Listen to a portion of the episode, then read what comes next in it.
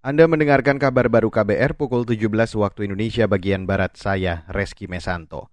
Saudara Ditjen Pemasyarakatan di Kementerian Hukum dan HAM mengklaim puluhan napi korupsi yang bebas bersyarat pada bulan ini sudah memenuhi persyaratan. Syarat itu antara lain seperti berkelakuan baik dan sudah menjalani 2 per 3 masa hukuman. Juru bicara Ditjen Pas Rika Prianti mengatakan seluruh narapidana berhak mendapatkan bebas bersyarat tanpa terkecuali.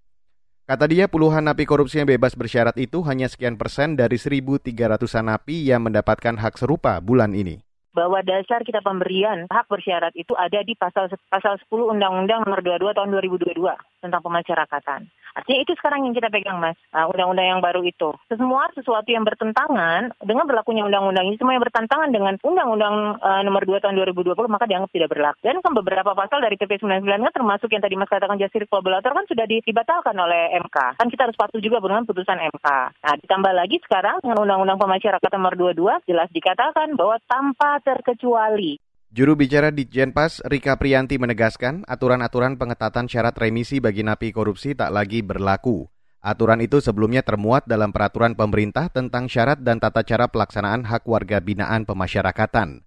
Salah satu syarat remisi bagi napi korupsi yakni harus menjadi justice kolaborator atau bersedia bekerja sama dengan penegak hukum untuk membantu membongkar perkara tindak pidana yang dilakukan. Namun, peraturan itu dicabut Mahkamah Agung atau MA akhir tahun lalu. Beralih ke berita selanjutnya, Saudara. Masyarakat adat di Kabupaten Kerom, Papua tidak ingin program lumbung pangan atau food estate yang ada di sana mengabaikan hak-hak mereka. Sekretaris Dewan Adat Kerom, Raymond Mai, menyebut, masyarakat adat mendukung program food estate, namun jangan sampai mengabaikan hak-hak saat lahan mereka dimanfaatkan. Dewan Adat akan koordinasi dengan tujuh suku yang ada, terlebih khusus yang mempunyai hak kepemilikan tentang hak-hak dan lain sebagainya itu nanti dibicarakan. Pada prinsipnya tetap mendukung apa merugikan masyarakat paling tidak ada semacam plasma-plasma yang terlebih khusus masyarakat yang mempunyai tanah adat itu mungkin bisa diberikan plasma-plasma untuk mereka kelola itu.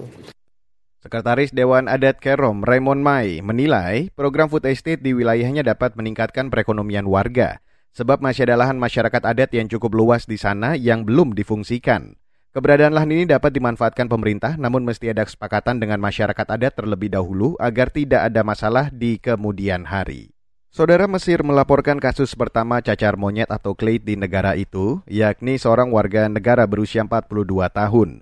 Dilansir kantor berita Nadolu, Kementerian Kesehatan Mesir kini telah mengkarantina pasien tersebut di rumah sakit, meski kondisi pasien dilaporkan stabil. Otoritas Mesir juga mengklaim telah memperlakukan protokol kesehatan bagi mereka yang telah melakukan kontak dengan pasien itu.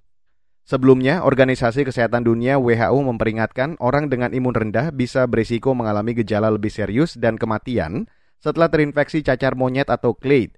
Kini wabah tersebut telah menyebar di puluhan negara di dunia. Dan saudara, demikian kabar baru saya Reski Mesanto.